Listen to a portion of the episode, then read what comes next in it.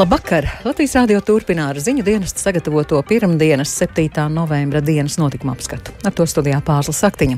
Un vispirms īsi ieskats redzījuma tematos. Aizkavējas jaunās valdības deklarācijas rakstīšana. Kariņš gaida skaidru atbildi no apvienotā saraksta. Kariņš kungs iedeva man personīgi iedeva arī šo lapu par šīm nozarēm, kur mēs organizējam darbu grupas, organizēsim cilvēkus. Tagad sauksim divi, trīs cilvēki, vienosimies par desmit prioritātēm katrā jomā. Masveida triecienos pa Ukrainas civilajiem objektiem Krievija ir iztērējusi lielāko daļu moderno raķešu. Lai atjaunotu savus raķešu krājumus, Krievija no Irānas gatavojas iegādāties ballistiskās raķetes. Iepriekš Ukrainas amatpersonas sūkstījās, ka valsts rīcībā esošās pretgaisa aizsardzības sistēmas nav pietiekami efektīvas pret ballistiskajām raķetēm. Tuvāko piecu gadu laikā Getliņu poligons būs pilns. Atkritumu skaits palielinās. Procentuāli ar katru gadu atkritumu paliek vairāk. Lai kā mēs šķirotu un lai kā mēs darītu, atkritumi tā būs problēma. Jaunās valdības izveides sarunu vadītājs Krišjāns Kariņš no jaunās vienotības gaida skaidru atbildi no apvienotās saraksta pārstāvjiem par viņiem piedāvāto atbildības jomu sadalījumu. Tas atvieglošot valdības deklarācijas tapšanu. Savukārt apvienotās saraksta pārstāvi vispirms vēlas noskaidrot konkrētus sasniedzamos mērķus dažādās jomās un tikai tad vienoties par konkrētiem amatiem. Vairāk stāsta Jānis Kīncis. Jaunā vienotība un Nacionālā apvienība gatavas turpināt darbu valdības deklarācijas izstrādes grupās. To plānots organizēt atbilstoši jaunās vienotības piedāvātajiem atbildības jomu sadalījumam topošajā valdībā. Tas esot nepieciešams, lai sarunu dalībniekiem būtu skaidrs, par kuru jomu katram atbildība. Redzējums par lietu kārtību šajā procesā atšķiras, jo apvienotais saraksts turpina uzstāt uz sarunām par konkrētiem sasniedzamajiem mērķiem dažādās jomās. Turpina apvienotās saraksta saimas frakcijas priekšsādātājs ministrs Edgars Tavars. Mums jāsaprot, ka jebkurš ministrs kabineta loceklis, atbilstoši ministru kabineta iekārtas likumai, ir solidāri atbildīgs arī par citu ministriju darbu. Tāpēc apvienotā saraksta prioritāte ir, mēs izējām cauri visiem problēmu jautājumiem, ne tikai šīm nozarēm, kuras Kariņa kungs redz, ka mēs varētu vadīt. Tā izskaitā, protams, arī tām, bet visām - enerģētikai, tautsēmniecībai, drošībai, iekšēji, ārējai, labklājības jomai, veselības aizsardzības jomai. Visu, lai mēs visi saprastu, um, ko mēs darām. Tā var piebilst, ka indikatīvi vajadzētu aptvert budžeta iespējas visās nozarēs. Apvienotais saraksts ir pieņēmis zināšanai Kariņa piedāvājumu par atbildības jomām nākamajā valdībā. Vienlaiks apvienotā saraksta pārstāvji arī vēlas precizēt, vai nolūks veselības ministru meklēt ārpus ievēlēto politiķu loka nebūtu pretrunā Kariņa norādēm, ka valdībā var strādāt tikai ievēlēti politiķi. Šos jautājumus Tavars nesauc par domstarpībām, turklāt politiskie spēki piekrītot Kariņa piedāvātajai atbildības jomu sadalījuma proporcijai. Valdības deklarācijas izstrāde tādēļ īpaši neiekavēšoties. Kariņa kungs iedeva man personīgi iedeva arī šo lapu par šīm nozarēm, kur mēs organizējam darbu grupas, organizēsim cilvēkus. Tagad sauksim, mēs vienojamies no katras koalīcijas potenciālās frakcijas divi, trīs cilvēki vienosimies par desmit prioritātēm katrā jomā, indikatīvi. Jānis Kincis, Latvijas radio.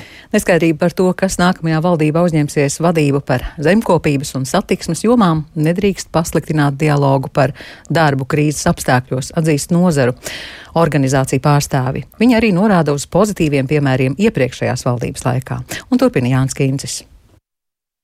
Ģeopolitiskā situācija un situācija ekonomikā pieprasa, lai apspriežot ar tautsēmniecību saistītus jautājumus, valdība aktīvāk iesaistītu biznesa organizācijas, jo neviens nozars ministrs nevar būt eksperts pilnīgi visās jomās. Tā intervijā Latvijas radio uzsvēra Latvijas Tirdzniecības un Rūpniecības kameras prezidents Aigars Rostovskis svarīgi, kad viņš iesaista, ka viņš pakonsultējās ar tiem, kas no tās nozares nu, tā orientējās tajā un, un dara. Ja, un tad pēc tam pieņem lēmumu. Bīstamāka situācija, ja ministrs kā, vai, vai kāds politiķis kā, pieņem, ka viņš zina visu, ir gudrāks par visiem. Tad, protams, ka gala lēmums ir e, ministram, jā, bet ir svarīgi, ka pirms tam tiek nu, ievākta informācija no visiem spēlētājiem, profesionāļiem. Rostovska vērtējumā iepriekšējā valdībā sadarbība ar sociālajiem partneriem varēja būt labāka, jo tiešas sarunas notikušas epizodiski. Piemēram, Covid-19 krīzes pīķa brīžos, kad jau bija pieņemti atsevišķi kļūdaini lēmumi. Nākamajā valdībā, atšķirībā no iepriekšējās, jaunajai vienotībai būs plašāka pārstāvniecība, tāpēc premjeras vairs nevarēs uzņemties tikai moderatoru lomu, uzskata Latvijas Tirniecības un Rūpniecības kameras prezidents. Tomēr lielākā neskaidrība pašlaik ir par divām no tā saucamajām saimnieciskajām ministrijām, kur kuru vadība ne iepriekšējā, ne nākamajā valdībā nebūs jaunās vienotības rokās. Zemkopības ministrijas vadību Krišāns Kariņš piedāvājis apvienotajam sarakstam, lai arī vēlmi turpināt vadīt šo nozari ir izteikusi Nacionālā apvienība. To, ka nozars politiskajai vadībai būtu jāmainās, sagaida zemnieku saima. Tās vadītāja vietniece Maira Dzelskalēja burmistre uzsver, ka aizvadīto četru gadu laikā lauksaimniecības nozara iestumta dziļā stagnācijā. Mēs ceram, ka valdības veidotāja Kariņkunga noliktie kritēriji, kas var būt ministrs, tiks arī ievēroti. Mēs ar cerībām gaidām un gribam sagaidīt zemkopības ministrijā jaunu politisko vadību, jo ir ļoti daudz izaicinājumu un daudz, kas ir tuvākajos četros gados jāpadara. Bet es vairāk domāju Eiropas līmenī un globāli, jo nu, šis neviens nav atcēlis zaļo kursu, neviens nav atcēlis klimata politikas eh, mērķus un eh, nu, biodaudzveidības stratēģijas. Mums ir jāsaprot, kā ir iespējams Latvijā turpināt lauksem, veiksmīgu lauksemniecisko darbību. Un tad pat laikā arī parādīt, ka mēs esam spējīgi arī ieviest šīs stratēģijas. Pretējās domās ir biedrības Latvijas gaļas pārstrādātāju asociācijas vadītājs Normunds Štāls. Viņš uzsver, ka gan Covid krīzē, gan inflācijas apstākļos ministrijā ir rasta risinājumi un atbalsts nozarei uzbrukums uh, ministram tikai tāpēc, lai piedalītos politiskajās spēlēs, mēs nu, tā kā neiesaistījāmies. Mums ir ministrs, ir ministrs kabinets, attiecīgi mēs arī ar to, kas ir, ar to arī strādājam. Vai man neapmierināja iepriekšējā tā brīža ministra darbs? Es saku, nē, man apmierināja. Neredzēju nevienu brīdi, ka šīs problēmas netiktu risinātas, vai tiktu atteikts, vai pastāvēt kaut kādu nu, neieinteresētību. Publiski komentēt politiskos procesus izvairās biedrības Latvijas ceļu būvētājs vadītājs Andris Bērziņš. Neatkarīgi no politiskās vadības, šogad Ukrainas kara dēļ nācies pārskatīt ceļu būvē nepieciešamo resursu sagādas ceļus. Bērziņš vienlaikus uzteica satiksmes ministrijas darbu līdzinējos četros gados, kad ceļu būvnieki varēja varējuši turpināt strādāt un maksāt nodokļus. Pirmo reizi Latvijas vēsturē pa, pa visiem šiem Latvijas neatkarības gadiem palaida īstu PPP projektu. Ja? Privātā publiskā partnerība. Tas ir Čekavs apveceļš. Nu, es apskatīju visu to būvējamo ceļu, kurš ir salīdzinoši tālu ticis, un, un vienkārši jāpriecājas par to, ko mūsējie var izdarīt, tur paņemot, iebraucot iekšā kaut kādos tur purvos un, un uztaisot pilnīgi jaunu ceļu no nulles, ne no kā. Ja. Tur ir ļoti pastrādājuši gan mūsu projektētāji, gan īpaši gribētos uzsvērt būvniekus abas divas, kas tur viens būvē vienu ceļu galu, otrs otru galu tiešām ir bauda skatīties, kā cilvēki strādā. Valdības veidošanas procesā šajā nedēļā tematiskās darba grupas izstrādās valdības uzdevumu plānu turpmākajiem četriem gadiem, vienlaikus risinot jautājumu par atbildības sfēru sadalījumu. Jānis Kincis, Latvijas Radio. Veicot masveida triecienus pa civilajiem objektiem Ukrainā, Krievija ir iztērējusi lielāko daļu savu bruņojuma moderno raķešu, taču tās ir plānots aizstāt ar Irānas raķetēm. Ukrainas valdība ir apstiprinājusi, ka Ukrainas armija ir saņēmusi modernas pretgaisa aizsardzības sistēmas no rietumvalstīm. Tikmēr okupētajā Hersonā Krievijas karaspēks gatavojas ielu kaujām. Par visu vairāk stāstūdis Čezberis. Krievija pēdējās nedēļās pastiprināja raķešu uzbrukumus Ukrainai, galvenokārt mērķējot pa kritisko infrastruktūru, taču līdz ar to ir ievērojami samazinājušies Krievijas raķešu krājumi. Saskaņā ar Ukrainas izlūkdienestu aplēsēm Krievija ir iztērējusi aptuveni 80% no savām modernajām raķetēm. Pašlaik Krievijas armijas rīcībā esot aptuveni 120 taktiskās balistiskās raķetes Iskander un 40 virsskaņas raķetes Kinžal. Pirms pilna apmēra iebrukuma Ukrainā Krievijas arsenālā bija 900 Iskander raķetes. Lai atjaunotu savus raķešu krājumus, Krievija no Irānas gatavojas iegādāties ballistiskās raķetes. Iepriekš Ukrainas amatpersonas sūkstījās, ka valsts rīcībā esošās pretgaisa aizsardzības sistēmas nav pietiekami efektīvas pret ballistiskajām raķetēm, kas pārvietojas ievērojami ātrāk nekā Krievijas spārnotās raķetes un droni. Ukrainas aizsardzības ministrs Oleksijs Reznikovs šodien informēja, ka bruņotie spēki ir saņēmuši pretgaisa aizsardzības sistēmas NASAMS un ESPAID, kuras piegādāja ASV, Norvēģija un Spānija. Reznikovs norādīja, ka šīs sistēmas palīdzēs ievērojami stiprināt armijas spējas un padarīs Ukrainas debesis drošākas. Pēc Krievijas sistemātiskajiem triecieniem pa Ukrainas kritisko infrastruktūru daudz viet valstī dienu uz laiku atslēdz elektrību, lai nepārslogotu energotīklus. Ukrainas prezidenta padomnieks Mihailo Podaļaks paziņojis, ka Krievija izvērš enerģētisko genocīdu pret Ukrainas iedzīvotājiem. Neslēpjoties, viņi veids genocīda veida karu, apšaudot mūsu energoapgādes infrastruktūru. Tādējādi Krievija mēģina šajā karā nodarīt maksimālu kaitējumu civiliedzīvotājiem. Viņi vēlas piespiest cilvēkus pamest savas mājas un likt viņiem izjust maksimālas nērtības šajā ziemā. Krievijas armija karo tieši ar civiliedzīvotājiem с гражданским населением. Podoļaks arī sacīja, ka Krievijas draudi pielietot taktiskos kodolieročus Ukrainā, Maskavas nepamatotās apsūdzības par Ukrainas rīcībā it kā esošo netīro bumbu un Zaporīžas atomelektrostacijas apšaudīšana nav nekas cits kā mēģinājums piebremzēt Ukrainas bruņoto spēku ofensīvu un vājināt ārvalstu atbalstu Ukrainai. Tādējādi viņi rada spiedienu uz sabiedrisko domu citās valstīs. Jūs taču esat pamanījuši, ka nemitīgi izskan dīvaini paziņojumi par diplomātisko regulējumu, par nepieciešamību sēsties pie sarunu galda. Tikmēr frontē Ukrainas austrumos turpinās smagas cīņas. Iebrucēju karaspēks visiem spēkiem cenšoties apturēt Ukrainas armijas virzību uz priekšu un paturēt pašu ieņemtās teritorijas Bahmutas un Abdīvkas virzienā Donetskas apgabalā, ziņo Ukrainas bruņoto spēku ģenerālštābs. Ziņojumā apgalvots, ka šajā frontes sektorā Krievija kaujās sūta nesen mobilizētos karavīrus, tāpēc iebrucēji ciešot lielus dzīvā spēka zaudējumus. Savukārt Ukrainas dienvidos nopietnākās cīņas joprojām norisinās daļā daļēji okupētajā Helsonas apgabalā. Ukrainas spēki atrodas aptuveni 25 km no apgabala administratīvā centra Helsonas. No turienes pienāk informācija, ka Krievijas karavīri izvietojas pamestos dzīvokļos, lai nostiprinātu savas pozīcijas pirms iespējamām ielu kaujām ar Ukrainas armiju. Uldis Česberis, Latvijas radio. Ēģiptē oficiāli atklāta apvienoto nāciju organizācijas klimata konference. Divu nedēļu sarunas sākas brīdī, kad jaunākie zinātnieku dati skaidri liecina par nepietiekamiem valstu centieniem samazināt CO2 izmešus. Turklāt arvien vairāk pasaules reģionu izjūt postošās klimata pārmaiņu sekas, plūdus, sausumu, meža ugunsgrēkus un spēcīgas vētras. Atklājot konferenci, ANO ģenerālsekretārs Antonio Guterres atgādināja, ka klimata pārmaiņas ir radījušas cilvēki, un tādēļ cilvēkiem tās arī būtu jānovērš. This UN climate conference is a reminder that the answer is in our hands. Šī ANO konference ir atgādinājums, ka atbilde ir mūsu rokās, un laika nav palicis daudz. Mēs cīnāmies par savu izdzīvošanu, un mēs šo cīņu zaudējam siltumnīcas gāžu emisijas arvien palielinās, globālā temperatūra turpina celties, un mūsu planēta strauji tuvojas brīdim, kas padarīs klimata hausu neatgriezenisku. Mēs dzenamies pa lielu ceļu uz klimata elle, un mūsu kāja joprojām ir uz gāzes pedāļa.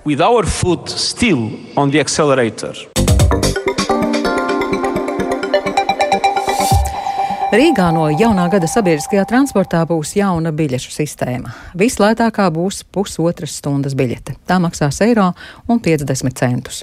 Savukārt mēneša biļetes būs lētākas, līdzinējo 50 eiro vietā to cena būs 30 eiro. Būs arī 3 un 5 dienu biļetes. Par to šodien vienojās Rīgas domas satiksmes un transporta lietu komitejā. Turpina tās vadītājs Olafs Pulks no jaunās vienotības. Šobrīd bija ļoti daudz biļešu veidu, kaut kur 130 iespējami. Tā ir ļoti sarežģīta sistēma. Administrējot, bija Rīgas satiksmē, bija problēmas. Un mēs šo esam vienkāršojuši. Tātad eh, šis ir domāts, lai tieši nāktu pretī un radītu ērtības un lētāku braukšanu regulārajiem braucējiem. Mēs tā ceram, šie piedāvājumi, īpaši mēnešu biļešu klāstā, šis radīs tomēr vēlmi pārskatīt savus paradumus. Otrakārt, mēs domājam, ka arī tie, kas varbūt mēģināja braukt bez maksas, nu šobrīd sapratīs, ka tas tomēr ir nevajadzīgi un 30 eiro par mēnešu biļeti nav tas dārgākais, ko viņi var atļauties. Jāpiebilst, ka no nākamā gada būtiski pieaugs cena par vienu braucienu. Tie būs 2 eiro, ja biļeti pērk autobusā, bet tas būs tikai 22. maršruta autobusā, kas kursē uz Rīgas lidostu un atpakaļ uz centru. Rīgas doma no padomu laika demontējuma objektu saraksta ir svītrojusi Spilves lidostas ēku un detaļas uz Latvijas Zinātņu akadēmijas. Tas ir viens no pirmajiem gadījumiem, kad šādus objektus tomēr nolemts saglabāt. Kāpēc vietvara tā nolēmusi un ko par to saka akadēmijā un Nacionālajā kultūras mantojuma pārvaldē? Vairāk Viktora Demīdova ierakstā. Galvaspilsētas doma pēc iespējas tuvākā laikā plāno demontēt četrus padomju laika objektus, kas ir atsevišķi elementi uz ēkām Kaunciem ielā 57 un Brīvības gatavē 318, un divas plāksnes. Viena ir piemiņas padomju izlūkam Mārtiņam Pogam no ēkas Jāņa Asarielā, otra ganību dambi, uz kuras minēts aicinājums atvērt simt gadus pēc otrā pasaules kara beigām. Abas plāksnes paredzētas nodot Latvijas okupācijas muzejā muzejam. Par to šodien vienojās pilsētas attīstības komitejā. Gala lēmumu paredzēts pieņemt trešdien domas sēdē. Demontējumu objektu sarakstā iepriekš bija arī Spilves lidostas sāka, uz kuras sienas saglabājies padomju laika gleznojums. Tajā attēlots Rīgas skats ar latviešu tautas tērpos ģērbušiem cilvēkiem, kuri rokās tur Latvijas PSR karogus. Turpina komitejas vadītāja Ines Andersone no jaunās vienotības. Mēs izvērtējām un arī konsultēties ar mantojuma pār pārvaldi. Saraksts tika koriģēts, ko var izdarīt un ko vajadzētu izdarīt, eh, bet eh, ir kaut kādas lietas, kā piemēram paša pilsētas lidosta, kas ir tāda laika kapsula, un kurai tagad nebūtu prātīgi, ka mēs sākam fasādē kalt kaut ko nost vai likt kaut ko priekšā. Demontējumu objektu sarakstā vairs nav arī padomju laika simbolu detaļu no Latvijas Zinātņu akadēmijas ēkas fasādes. Uz uh, Zinātņu akadēmijas sirds mēmurs ir iemūrēti fasādē jau flīzēs pašvaldība, godīgi sakot, nevar neko īsti izdarīt. Un ēkas saimniekam, kas ir Zinātņu akadēmija, vajadzētu lemt pašiem. Zinātņu akadēmijā skaidro, ka ēka ir iekļauta kultūras pieminekļu sarakstā, tāpēc demontēt neko netaisās, uzsver akadēmijas viceprezidents Ojārs Spārītis. Tad mēs šajā gadījumā būsim uh, nogaidoši un necentīsimies uh, lēkāt pakaļ tai konjunktūrai, ko mums šobrīd cenšas uzspiest, kā teikt, eh, Rīgas domes ierēģi. Jā, tiešām kaut kur var atrast un ieraudzīt kādu sirpīti un āmuriņu, eh, bet tie nekrīt acīs nevienam no ielas staigājošam un skatošam cilvēkam. Tādējādi es domāju, ka uzbudināties par viņa esamību būtu pilnīgi veltīgi. Nacionālajā kultūras mantojuma pārvaldē atzīmē, ka ēkas augšpusē redzamie pāris sirpju un āmuri ir stilizēti, un tie īpaši neizceļoties, skaidro pārvaldes pārstāvis vēsturnieks Jānis Asaris praktiskas mm, problēmas, jo gadījumā, ja viņus eh, no tos elementus kaut kādā veidā mēģinātu izņemt, tur varētu būt uh, problēmas tīri jau no arī apsaimniekošanas viedokļa, ka tur varētu mm, tad mitrums ieplūst un, un, un tam līdzīgi. Tur es pieļauju, ar laiku ir kaut kāda risinājuma, protams. Jāizstrādā. Vienlaikus eksperts uzskata, ka minētās detaļas tādā veidā atstāt nevajadzētu. Zinātņu akadēmijas es uzskatītu, ka viņi tomēr būtu piesedzami, bet nu, jāatrod tas pareizais risinājums, lai mm, vai viņus tiešām aizvietu ar kādiem blakām analogiem mm, no šiem veidojumiem. Kā vēl viens iespējamais objekts, kuru varētu saglabāt, ir padomju laika lidmašīna IL-28, kas atradās Mārupes novadā. Par tā likteni eksperti lemšot šonedēļ. Viktors Demidovs, Latvijas radio. Tuvāko 5 līdz 7 gadu laikā Getliņa ekopoligonā sadzīves atkritumus noglabāt vairs nevarēs. Getliņu poligona teritoriju robežu novadā paplašināt nav iespējams. Vienlaikus iedzīvotāji aptaujā iebilst pret jauna atkrituma poligona būvniecību Rīgā. Tādēļ informatīvā kampaņā iedzīvotājs aicina aktīvāk šķirot atkritumus. Savukārt Rīgas apkaimju alianse vērtē, ka šķirošanu vairāk veicinātu tieši tās izdevīgums iedzīvotājiem. Plašāk Sintīs Ambots ierakstā. Sijā Getliņa eko apsaimnieko pusi no visiem Latvijā radītajiem sadzīves atkritumiem. Getliņu atkritumu poligonā robežu novadā šobrīd 80 hektāri atvēlēti atkritumu apsaimniekošanai, bet poligona kapacitāte varētu būt izsmelta 5 līdz 7 gadu laikā. Uzņēmuma pārstāve Ines Savota norāda, ka iedzīvotāju aptaujā šoruden vairāk nekā 70% iebilda pret jauna poligona izveidi Pierīgā vai Rīgā. Tāpēc poligona ietilpības problēmu cer risināt ar atkritumu šķirošanas kampaņu, jo, piemēram, bioloģisko atkritumu atkritumu šķirošana poligonā apglabājamo apjomu var samazināt par 40%. Es domāju, ka esošā šķirošanas sistēma varbūt ir nepietiekama. Atkritumu šķiro apmēram 60% iedzīvotāju. Tagad no 24. gada visiem būs obligāti jāsāk šķirot bioloģiskos atkritumus. Šis periods šobrīd ir tāds tā izvēles periods, kad rīdzinieki un pierīgas iedzīvotāji var izvēlēties, vai viņi šķiros bioloģiskos atkritumus vai nē. Un tad mēs šobrīd redzam, ka pagaidām, kamēr tas nav obligāti, protams, tā šķirošana ir kūtra. Es domāju, ka pašvaldībām ir jāliek arī liels uzsvers uz to, kā nodrošināt to infrastruktūru, kur cilvēki var izmest savus sašķirotos atkritumus, jo ne visiem tas ir pieejams. Ropažu novada domas priekšsēdētāja Vita Paulāna apstiprina, ka šajā teritorijā atkritumu poligonu paplašināšana vairs nav iespējama, jo apkārt ir privāti īpašumi, dzelzceļš un tūmā ir arī Daugava. Sekojoši nākotnē tas varētu būt kādas citas pašvaldības izaicinājums. Viņa arī vērtēja, ka jebkurai vietai atkritumu poligona klātesamība rada arī zaudējumus. Atkritumu skaits palielinās procentuāli ar katru gadu. Atkritumu paliek vairāk. Un, nu, lai kā mēs šķirotu un lai kā mēs darītu, acīm redzot, atkritumi tā būs problēma, pie kā mums visiem kopā ir jārisina un jāstrādā. Vai bažas pie mums novadā, nu īsti mums, mēs te vairs neredzam to vietu, kur varētu poligons vēl attīstīties, jo apkārt ir privāta zemes, kas jau ir citiem mērķiem eh, apgūtas, tā kā te tādu īstu vietu mēs nesaredzam. Šobrīd ar likumu ir noteikts, ka, piemēram, bioatkrituma apsaimniekošanas tarifs ir vismaz par 20% mazāks nekā sadzīves atkrituma apsaimniekošanas maksa.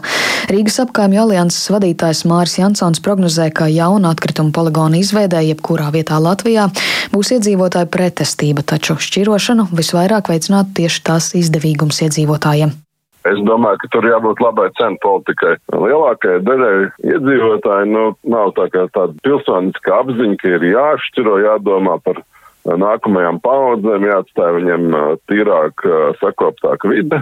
Un līdz ar to manā ieskatā nu, visvairāk ir jādomā par to, lai vienkārši būtu izdevīgi šķirot, un tā atšķirība cenā nevis 20%, bet varbūt 120%, nu, respektīvi liela, tad divkārtīga atšķirība cenā. Tas, protams, arī nav populārs lēmums, jo tas nozīmē, ka ir kaut kāda vieta, kur nevarēs šķirot, nu, kur uztaisīt šķirošanu būs grūti un kādam tālu jāiet, bet no otras puses, nu, jāskatās to lielo mērķi. Lai mazinātu poligonā nonākušo atkritumu daudzumu, Getliņa eko iedzīvotājus aicina nepirkt lieku, iegādāt to izmantot atkārtoti, kā arī veikt rūpīgāku atkritumu šķirošanu. Sinti Ambota, Latvijas radio.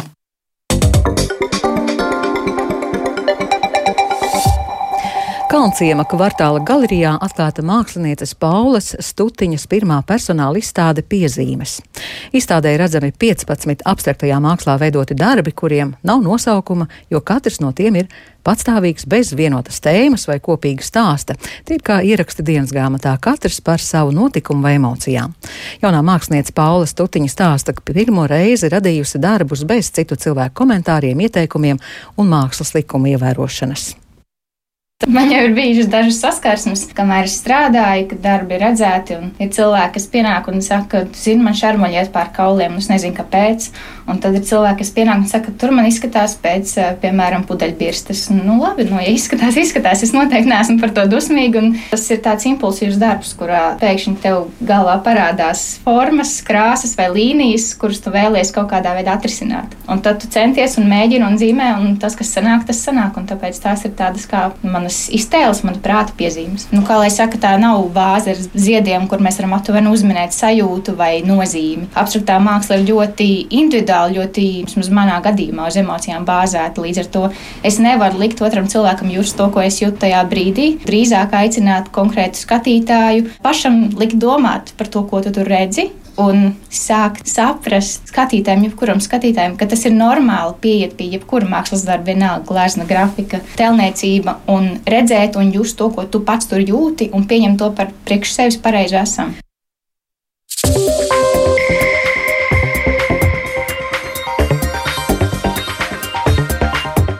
Izskandienas notikuma apskats, producents Edgars Kupčs, ierakstus montēja Ūdas Grīnbergs par labskaņu rūpējās Vita Karnača, ar jums runāja Pārsla Saktiņa, vēl īsi par svarīgāko. Aizkavējas jaunās valdības deklarācijas rakstīšana, Kariņš gaida skaidru atbildi no apvienotā saraksta. Masveida triecienos pa Ukrainas civilajiem objektiem. Krievija ir iztērējusi lielāko daļu moderno raķešu. Ukrainas valdība apstiprinājusi, ka saņemtas modernas pretgaisa aizsardzības sistēmas no rietumvalstīm, un Eģiptē sākas apvienoto nāciju organizācijas klimata konference.